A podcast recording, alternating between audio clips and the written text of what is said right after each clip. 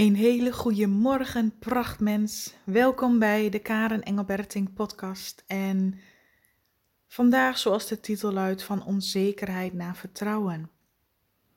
Ik heb er al een blog over gepost op mijn social media, want het is voor mij al mijn hele leven herkenbaar en als een rode draad als het ware door mijn leven dat ik met onzekerheid leef.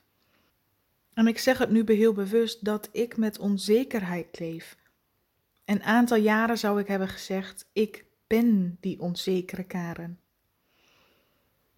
Maar er heeft al zoveel transformatie en verandering in plaatsgevonden dat ik hier graag een deel en een stukje met jou in mee wil nemen. Want dit is gewoon hè, hoe, hoe het in de praktijk, in ieder geval bij mij, en ik denk ook dat het herkenbaar is voor jou en voor velen wanneer onzekerheid ook een rol speelt in jouw leven. Hè, dat kan op meer en mindere mate zijn.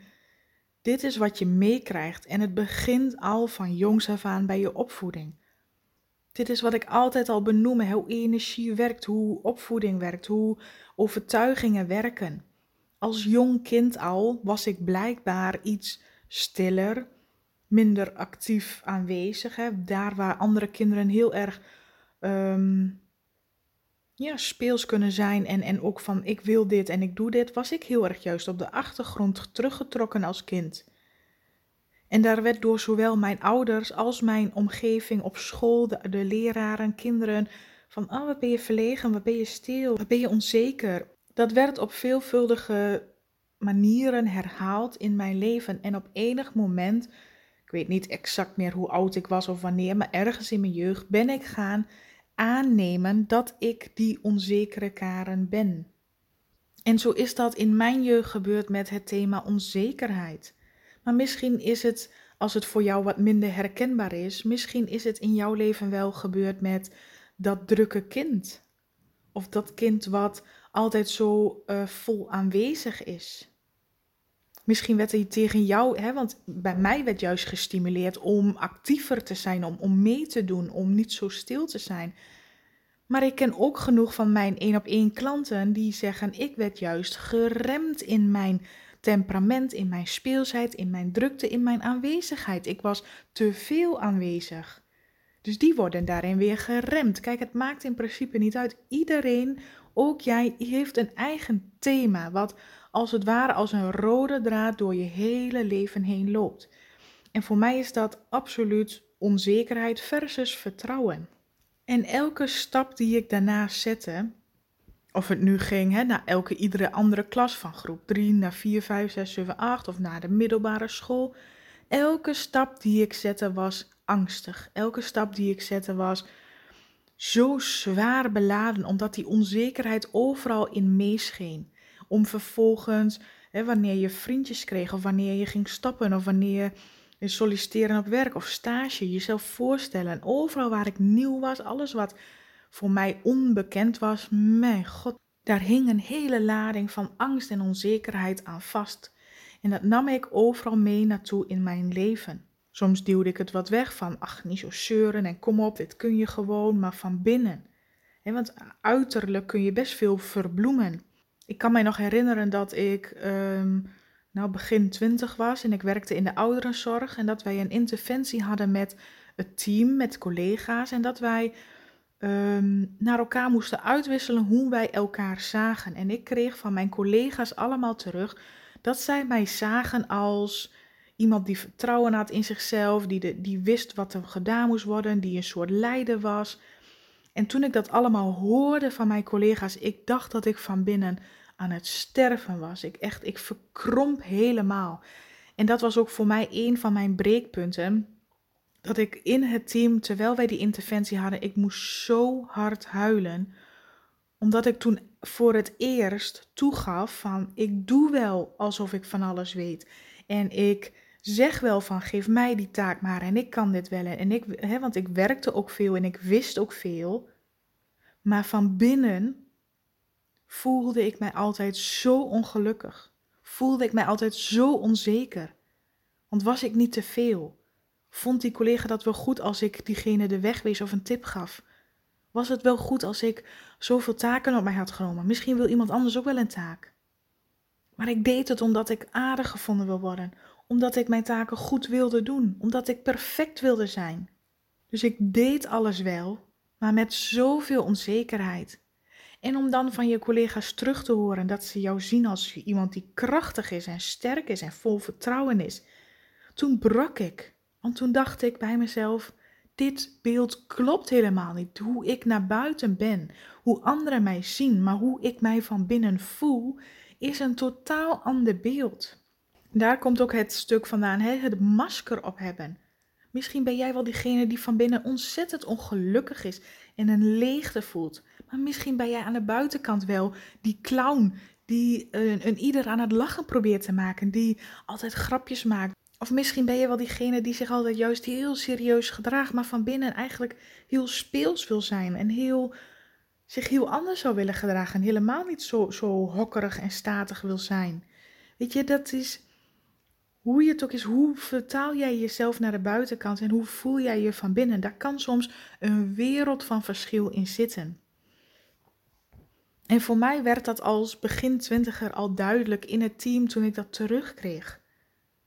Het deed mij zoveel, want als iedereen van mij geloofde dat ik zo sterk en zo krachtig was, hoe moest ik dat in vredesnaam volhouden als ik het niet voelde? Wanneer ik het van binnen mezelf zo ongelukkig voelde, hoe moest ik dat dan volhouden? En daar begon bij mij het kantelpunt. In combinatie met een burn-out en het thuiszitten en door mijn rug zijn gegaan. Echt, ik, ik brak, dat was echt een periode in mijn leven dat ik totaal brak. En juist nu ik er achteraf aan terugdenk, was dat een van de periodes die mij juist heeft geholpen dat patroon te doorbreken. Dus achteraf ben ik immens dankbaar voor die periode, ook al was het niet fijn.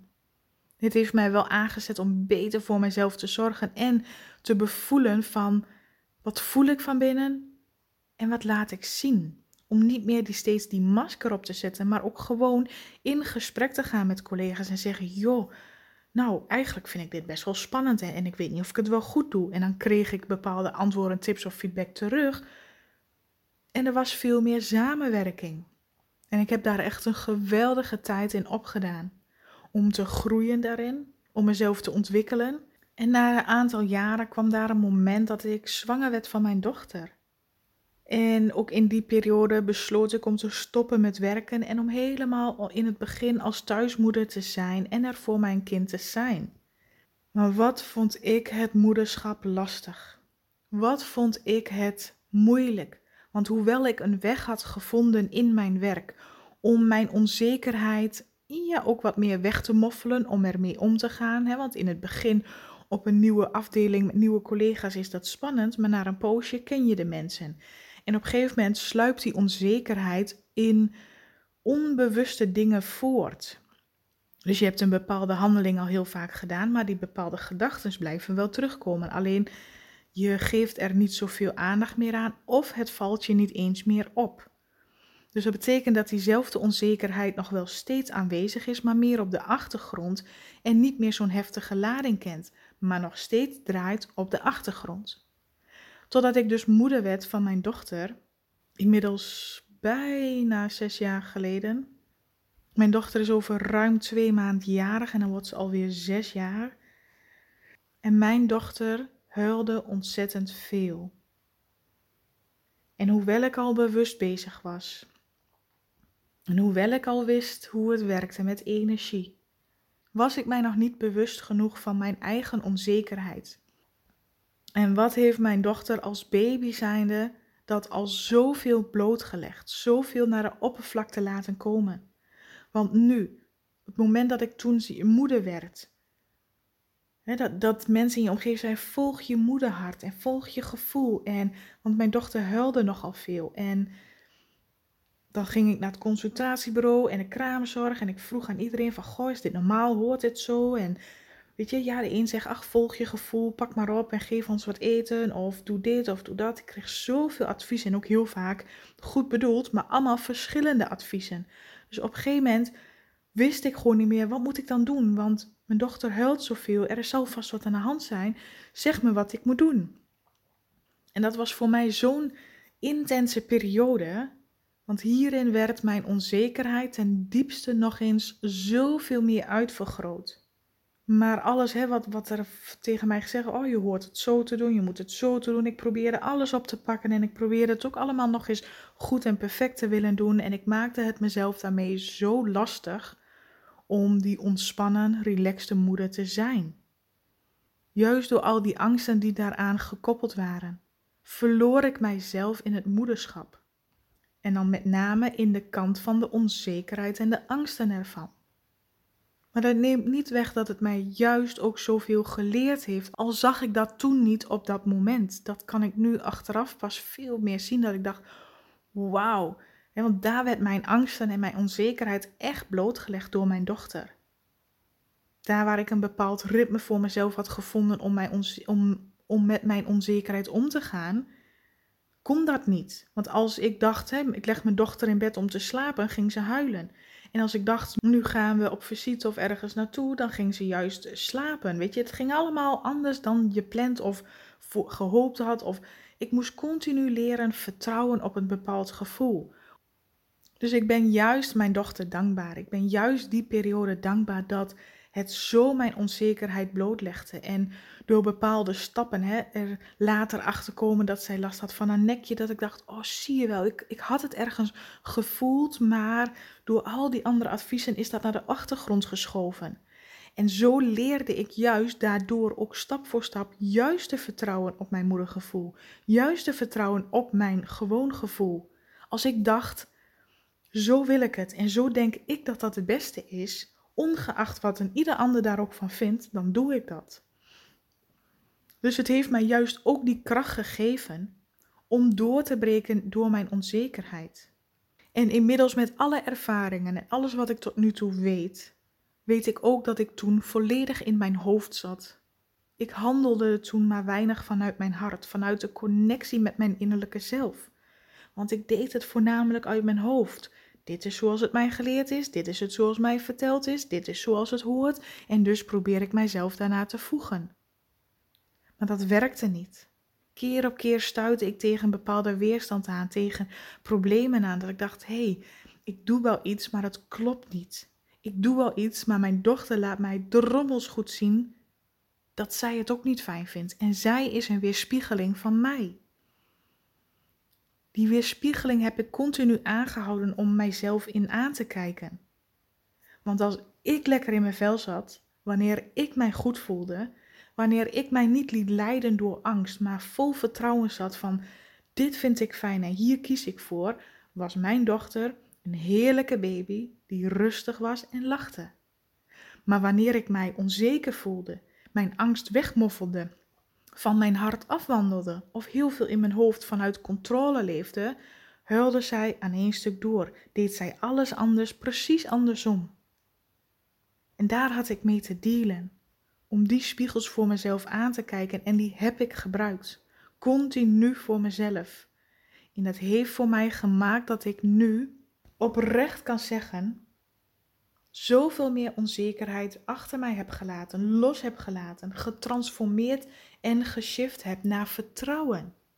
Dus in plaats van te blijven leven uit het hoofd, in plaats van te bedenken hoe alles moet, ben ik gaan zakken in mijn lijf en te voelen. Hoe zou ik het willen? Wat voelt goed voor mij? Vertrouwen dat mijn keuze ertoe doet. Vertrouwen erop dat elke stap die ik ook zet, voor mij het juiste is. Ik heb geen rekening te houden met al die andere mensen die continu tips en adviezen geven. Daar heb ik geen rekening mee te houden. Ik kan het aanhoren, ik kan er wat mee doen of besluiten om er niets mee te doen. Maar het is uiteindelijk mijn keus. En ik heb geleerd om dat continu vanuit vertrouwen te doen. Dus dat ik hoe ik mij van binnen voelde, ook zo naar buiten gedroeg. Dus ik was één met hoe ik mij voelde en wat ik deed, hoe ik handelde. En hoe meer ik dat doe, hoe sterker en krachtiger ik daarin word, hoe meer ik dat ook terugzie aan mijn dochter, die dus nu bijna zes jaar is. Ik zie haar groei. Ik zie haar toen zij een jaar of één, twee was, zag ik ook in haar hoe onzeker zij was. Dat zij achter mij wegkroop en dat ze het liefst wel zich wilde verstoppen bij mensen. Ook al waren het haar eigen ooms en tantes, als ze die langer als een week of twee weken niet had gezien, dan begon het hele riddeltje weer opnieuw. Helemaal wegkruipen, onzeker zijn, eerst uur niks zeggen en dan kwam ze een beetje los, kat uit de boom kijken. Het begon continu opnieuw. Soms dacht ik ook wel eens, hoe dan? Hoe kan je nou zo bang zijn? Maar hoe kon zij weten hoe het was om vertrouwen te hebben, als ik ook niet dat vertrouwen had? Dus door naar mijn dochter te kijken en door te zien wat zou ik jou adviseren, en dat heb ik dus zelf te doen. Ik heb zelf te leren hoe vertrouwen is. Want als ik uitdraag wat vertrouwen is, als ik uitdraag hoe het is om bij jezelf te blijven, als ik uitdraag hoe het is om hoe ik me voel van binnen ook zo van buiten te laten zijn, als ik uitdraag om met liefde en zorg voor mezelf te zorgen, dan leer ik dat ook mijn dochter. Dan leer ik dat ook hoe zij dat kan doen. Niet door te zeggen in woorden van, nou doe nou niet zo verlegen en heb, ga gewoon spelen, doe niet zo, uh, doe niet zo angstig. Want dat had geen zin. Als ik kan het wel tegen mijn dochter zeggen, maar als ik zelf ook in die onzekerheid blijf, dan zijn het loze woorden. Die doen niets bij je kind, omdat je ze zelf niet voorleeft. En nu mag ik mijn dochter aanschouwen. Eigenlijk, weet je, want het ging zo stapsgewijs dat ik aan mezelf werkte. En eigenlijk een moment van rust nam om eens terug te denken van oké, wat is er toch de afgelopen jaren allemaal gebeurd? En wat hebben we allemaal meegemaakt? Wat heb ik voor mezelf eruit mogen halen? En opeens dacht ik, jeetje. En het begon eigenlijk al in de zomervakantie dat ik zoiets had van wauw, wat, wat is mijn dochter gegroeid? Wat, wat heeft zij meer vertrouwen gekregen in zichzelf absoluut en ook in anderen. Dat zij veel meer opener is geworden, veel meer losser, veel meer durft te vragen, veel meer woorden durft te geven, veel sneller loskomt. Ik ben echt zo onwijs trots op haar en tegelijkertijd ook trots op mezelf. Omdat we in dat proces van aankijken en groeien en bewustwording zijn gebleven. Continu groeien, continu bewustzijn. Wat mag daar gezien worden? En dat vind ik zo'n mooi proces. En het is ook echt een thema van mij van hoe, wat spiegelt je kind en hoe kun jij daar als ouder van leren? En ik loop ook al een poosje ermee rond om een online training te maken voor hoe jij de spiegel van je kind kunt gebruiken om zelf te kunnen groeien. Hoe jij bepaalde problemen kunt interpreteren door zelf jouw groeimoment te pakken. Door echt oprecht naar je kind te kijken. Ik heb al bepaalde ideeën van, misschien zou dat wel heel erg waardevol zijn. Want na alles wat ik in de afgelopen bijna zes jaar heb mogen ervaren en doormaken, kan ik nu heel gericht zeggen: Wauw, zo daar en daar kijk je naar, zo doe je dat. Ik heb daar zes jaar voor moeten, ja, zeg je dat, oefenen om te denken: Ah, nu begrijp als ik nu mijn dochter iets zie doen, begrijp ik heel makkelijk de spiegel en kan ik daar zo doorheen gaan. Dat gaat de laatste tijd al zoveel makkelijker. Maar ik heb dat in het begin ook allemaal moeten leren en uitvogelen. Hoe werkt dat dan? Wat is dan handig? Dus ik zou dat heel gemakkelijk aan jou nu kunnen overbrengen via bijvoorbeeld een online training. Mijn vraag is dan eigenlijk alleen: is daar überhaupt behoefte aan? En misschien zijn er al genoeg mensen, misschien ben jij wel diegene die zegt: Oh nee hoor, ik ben gewoon al die bewuste moeder die ook heel goed weet wat spiegels inhouden, hoe het werkt, hoe ik daarvan kan leren en groeien. Misschien heb je daar dus helemaal geen behoefte aan, of misschien ook wel. want als er geen behoefte aan is, ga ik ook niet een online training maken, maar misschien zou je het eens terug aan mij willen geven, of jij daar wat mee zou willen, de handvaten hoe jij kunt leren de spiegel van je kind te gebruiken om zelf je innerlijke te ontwikkelen. Nou ja, laat het maar weten als je dat wil. En omdat dit voor mij nu zo'n mooi actueel thema is, heb ik wel besloten om er een nieuwe Power of Healing sessie aan te geven. Ik heb eerder zo'n sessie gegeven en het was gewoon echt magisch. Het was zo mooi hoe we samen, we doen dat online in een Facebookgroep. Je meldt je gewoon aan. Het is uh, echt een hele mooie investering in jezelf voor maar slechts 11 euro. En we zijn dan ongeveer een uur online samen. En nou ja, ik raak wat thema's aan. We werken wat uit. We zijn interactief met elkaar om vervolgens daarin een stukje heling te doen. En dat is zo fijn, zo gaaf. En nu is dat dus het thema van onzekerheid naar vertrouwen. Als jij dit thema voor jezelf herkent en denkt: ja, dit is ook een rode draad in mijn leven en hier kan ik nog best wat in leren en in ontwikkelen en in loslaten. Er mag nog wat getransformeerd worden in mij. Dan nodig ik je uit voor de Power of Healing sessie die plaatsvindt op. Um, oei, nou moet ik het uit mijn hoofd gaan doen. Ik dacht donderdag 28 oktober, zoiets. En nou ja, als je wil aanmelden, stuur me anders gewoon even een mailtje dan stuur ik jou voor de rest de verdere info en betalingen toe. En het zou me ontzettend leuk lijken om dat met jou te doen. Als, in ieder geval als jij dat herkent en ervoor open staat. En even kijken, heb ik, heb ik nog meer te delen? Ja, ook nog.